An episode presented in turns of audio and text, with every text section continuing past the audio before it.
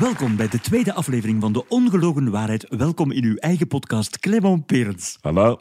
Uh, Clement Perens, uh, ja, het sloeg in als een bom, het nieuws. Uh, jullie gaan afsluiten aan het eind van het jaar. Dat zijn de laatste concerten met de Clement Perens Exposition Zeker in de best. Roma. Ja. Die verkoop van de tickets ging spectaculair goed. Ja, dat ging heel goed. Hè. Minder dan twee uur tijd worden er tien concerten compleet uitverkocht. Hè. Clement Perens, dat is werkelijk ongelooflijk. Ja, eh goh, moet dat toch een beetje relativeren, Bert. Want van die 18.000 tickets is meer dan de helft gekocht door Tom Baerman. Die is tegenwoordig stinkend traag en die kan ze nou permitteren. Die mannen van Dijs kunnen niet verdragen dat wij er dag na dag voor een volle zaal zouden spelen. Hè. Jalousé, hè. vandaar dus een beetje kleinzelig. Maar, maar ja, u- moet het weten, het is aan geld. Hè. Maar, maar, maar heeft u, vindt u dat niet spijtig? Eh, niet eigenlijk. Ik heb andere dingen rond mijn kop. hè. Ik zit aan bak bezig met mijn café op het eilandje. Café Het Dankbare Gat, dat Ja. u van Weinigem via het Albertkanaal naar, naar Antwerpen, naar Ja. het eilandje hebt eh, gesleept. Ja, en dat trouwens heel goed. Hè. Dat is elke dag vol een bak tot een kot in de nacht. Hè. Dat, kan- dat kan niet tot de kot in de nacht. Eh, je moet toch sluiten om 11 uur? Ja, eigenlijk wel. Maar twee dagen geleden bijvoorbeeld, zag ik om drie uur s'nachts de politie stoppen. De deur van mijn café. Hè. Dat zat er weer staandvol. Ik heb de deur op slot gedaan. Hè. En zo'n flik die riep daar daarom. Hè, door die zuipen, eh wij kunnen niet binnen. Ik heb gezegd, natuurlijk kunnen we niet binnen. Want we zijn al vanaf 11 uur gesloten. En zei die flik, oh ja, natuurlijk. Alle, een prettige dag nog. Saleukes, zo was het opgelost. Hè. Die gasten waren weg. Je moet die kunnen aanpakken, hè, Bertje. Clement, misschien iets anders. Eh, het overleg van de cultuursector met de overheid, dat was niet makkelijk. En wat was precies de inzet, Clement? Uh, schadevergoedingen, hè. dat gaat gewoon over compensaties. Het ging eigenlijk over bakken geld. en, en wie onderhandelde namens de cultuursector? Een ooit gelezen tape, namelijk Stanny Kreets, Ingeborg, de zwangere G en de ventilateur. De ventilateur, die, die ken ik niet. Ja, dat is eh, de directeur van de KVS. Micha- Michael de Kok. Voilà, dat is hem. Ik heb er veel respect voor. hè. Een Ah, hele ja. gedreven gast. Die is al twintig jaar lang begaan met de luchtkwaliteit in de theaters. hè. Dat is een goede zaak. Ja, ja, zeker. zeker. Ja, dat is de geniale kerel. Hè. Die heeft jaren geleden al een nieuw systeem ontwikkeld. Hè. De dramaturgische luchtbehandeling. Dus als het in een stuk bijvoorbeeld ineens heel dramatisch wordt, dan pompt je CO2 in die zaal. Zodat de mensen hun fysiek onwel beginnen te voelen. Wordt het spannend, dan zet hij zijn machine op adembenemend. Dus op 850 hectopascal luchtdruk. Dat is niet fijn, hè? Dat is niet veel, nee. wordt het grappig, hè? Ja. dan de luchtdruk nog leger, zodanig dat die mensen er al stikken van het lachen enzovoort. Hè? Dat is, nee, dat is echt eh, een artistieke oogvleger, die gast. Peres, wat is daar precies besproken op dat overleg? Ja, dat ging vooral over geld, hè, over compensaties, hè, schadevergoedingen. Hè. Het is begonnen met de krits, hè. het is begonnen met een lijst van producties die niet zijn kunnen doorgaan. Ik zal een paar voorbeelden geven. hè. Ja? Bijvoorbeeld de musical ABBA in Vlaanderen. Nooit van gehoord. waarin dat de leider van ABBA in Turnhout kan wonen. Die integreren door gelijk dat je nog nooit iemand in scène integreren. Die worden direct lid van de NVA. Die stellen zich verkiesbaar in de al. Kortom, dat was bingo. Nee, nee, nee, want die Jan is een hele kritische gast. Hè. Die zei, hola, hola, meneer Krets, die van ABBA kunnen beter in West-Vlaanderen op een lijst gaan staan, want daar staan we traditioneel iets minder sterk. En de Krets zei, merci voor creatieve input. Als dat stuk dan toch nog alsnog zou worden opgevoerd, dan passen we dat zeker aan. Maar dat is dus een put van 2,4 miljoen euro, zei de Krets. Hè. En die Jan zei, oké, dat regelen we. En de Krets die voelde zijn eigen aangemoedigd. Hè. Die begon die of andere productie uit zijn doom te zagen. Bijvoorbeeld Dansen tegen de kernoortstap met Ballet van Vlaanderen. Een film van Jan Verhaaien over het confederalisme, helemaal in het Latijn.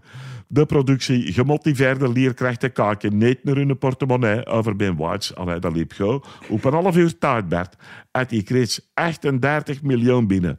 En die wou aan de volgende 38 miljoen beginnen. Maar toen zei Jan Bon, wacht, wacht. Nou is het misschien wel genoeg. En de krets die zei, genoeg? Wat hè? Voor al die schaar die wij hebben geleden? Ik dacht het niet, meneer Jan Bon. Ingeborg. En dan schuilt Ingeborg in Axebertje. Dat klinkt onheilspellend, hè? Zeg dat. Maar misschien eerst waar reclame. U maakt het wel spannend. Ja, maar toch eerst waar reclame. Oké.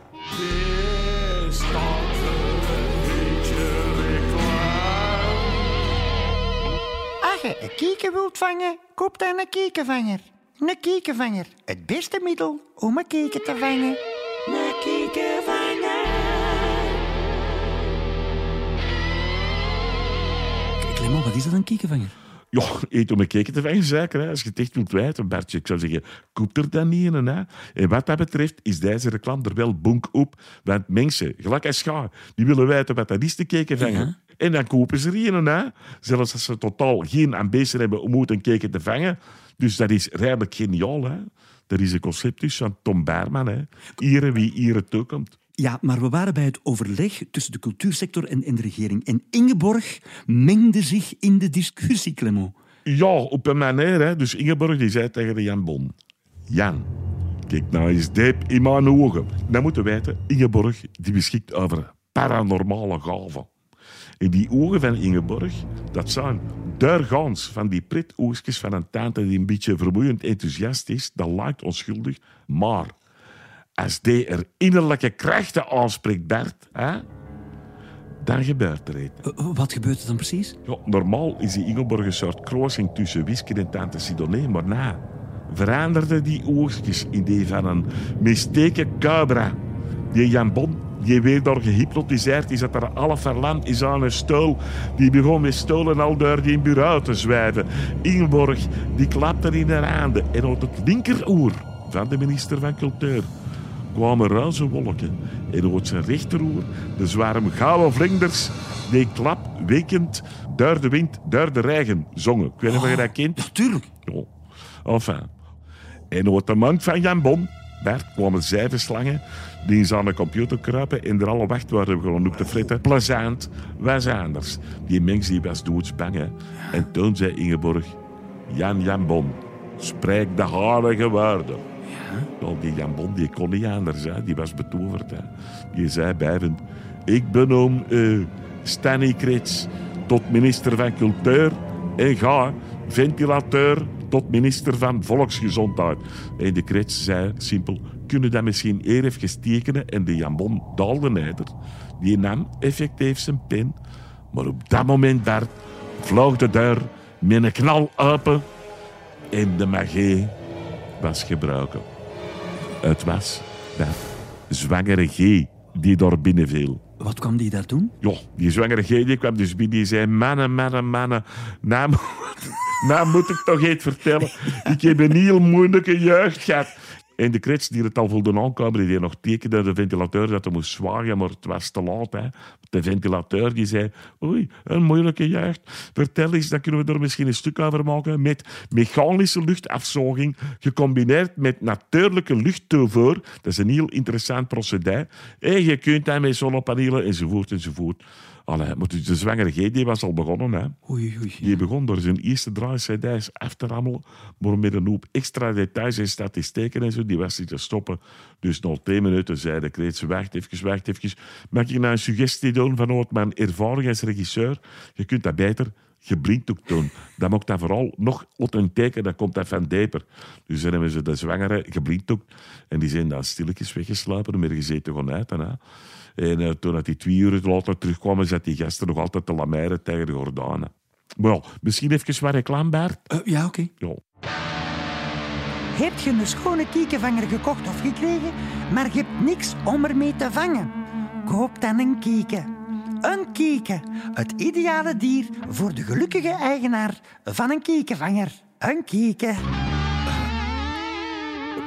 Opmerkelijke reclame, hè? Ja, ja, goed gedaan. Ik moet het toegeven. Een goed idee van Tom Berman. Die is dus raak aan het worden door de verkoop van kekens en kekenvangers. Hè. Dat is dus twee keer eh, in de pocket. Hè.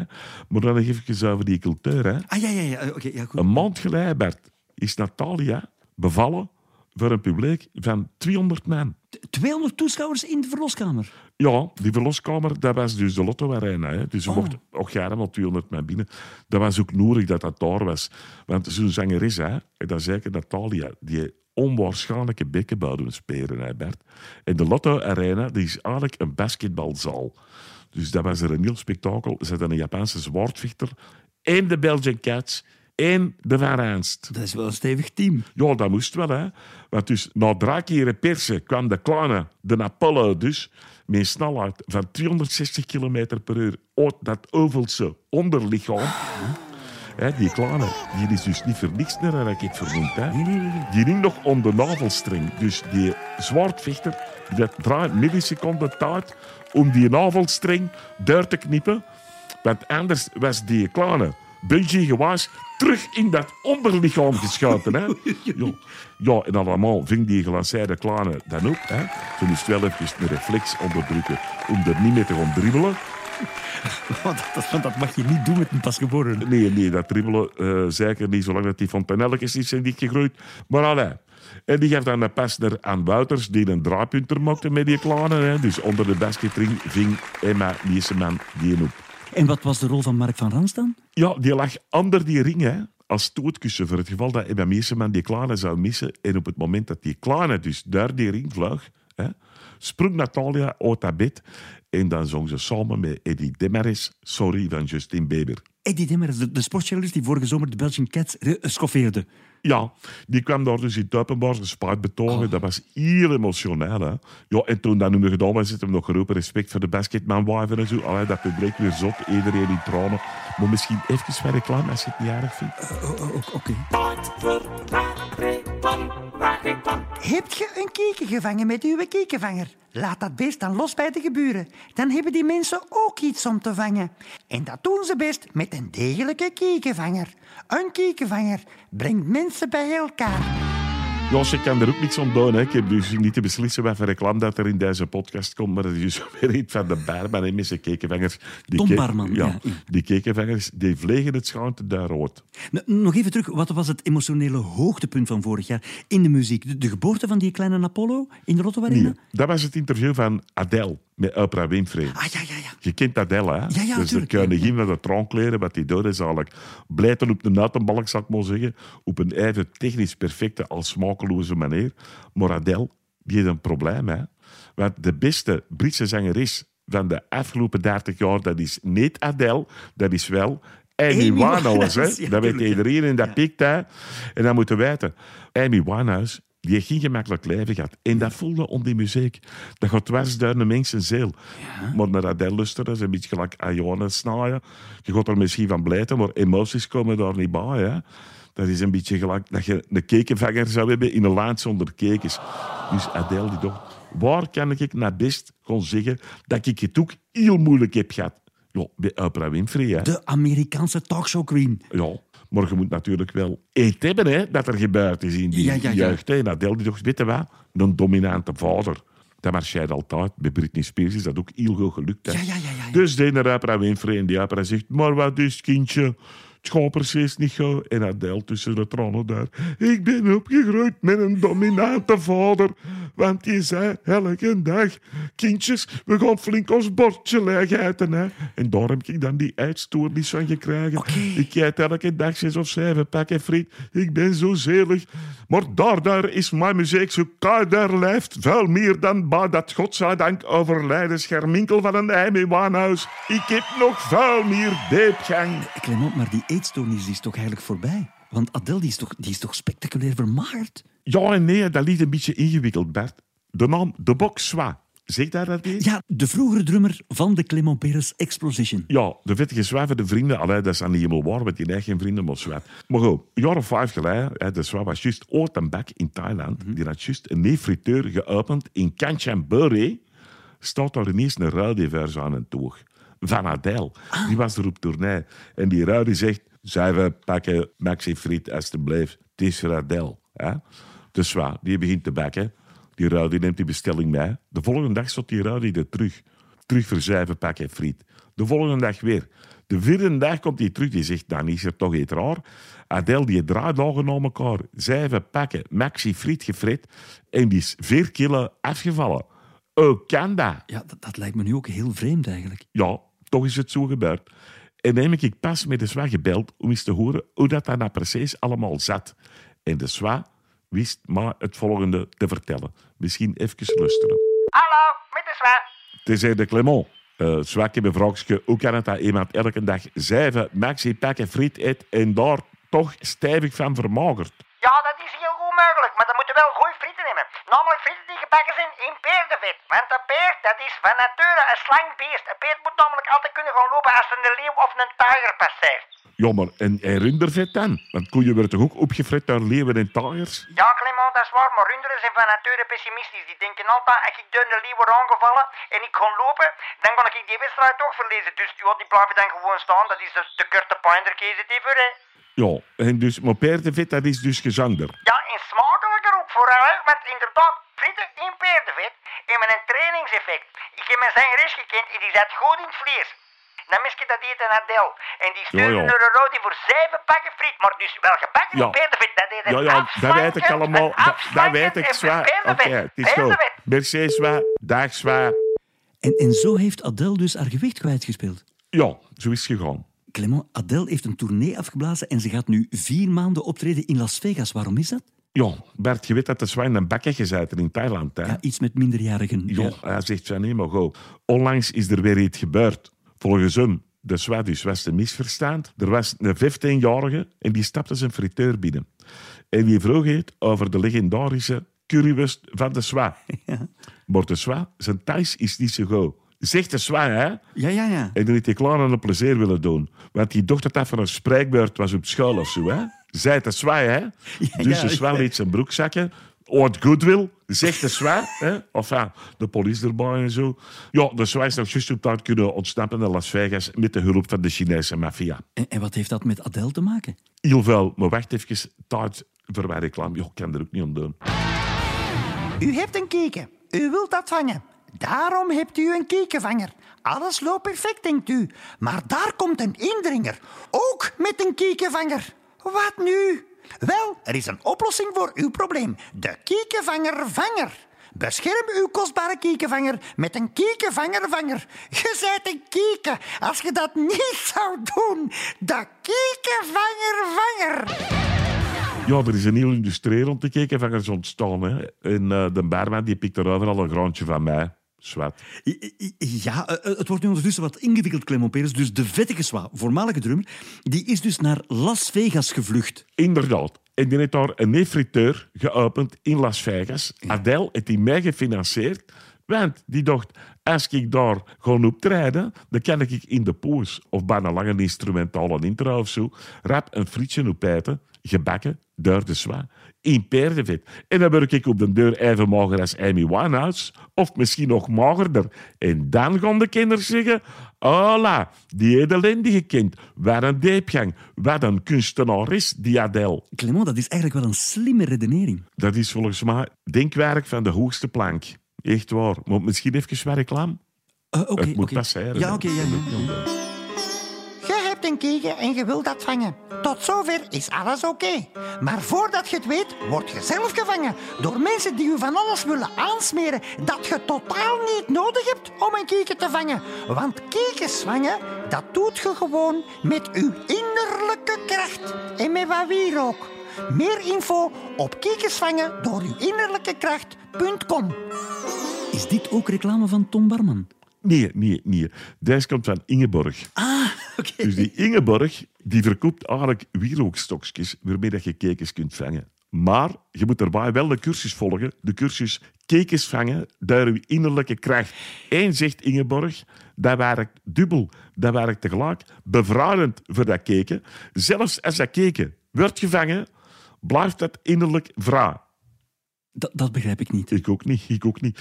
Maar dus, als zo'n keken sterft, als het gevangen wordt door een wierookstokje, dan reïncarneert dat in iemand die cursussen geeft over kekens vangen door uw innerlijke kracht. Maar ja, Bert, hoe kun je nou kekens vangen in een wereld waarin dat alle kekens zijn gereïncarneerd?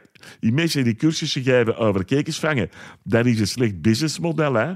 Daar heeft de mens toch niet goed over nagedacht. Dank u wel, Clement Perens. Ja, het is goed geweest, denk ik.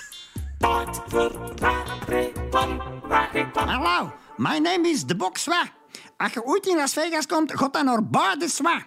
Onze specialiteit is friet gebakken in peerdevet. Met daarbij een goeie kipsatij, gemaakt van een keken dat is gevangen met een authentieke kekenvanger. Voor die onvergetelijke kekenvanger kekensmaak, friteur Bar de Zwa. San Diego's Steenweg 27 in Las Vegas. Ja, ik kan dat misschien even traag herhalen, dat de mensen dat kunnen opschrijven. Dus friteur bij de Swa, San Diego's Steenweg, 27 in Las Vegas. Dank u wel, Ja, wacht, wacht. Dan moeten we ook nog eens reclame maken voor de nummer wat die betalen, Niel, dat spel hier. Zeg, bij de misère. Godverdomme. De nummer. Ja, de waarheid. De niet geladen.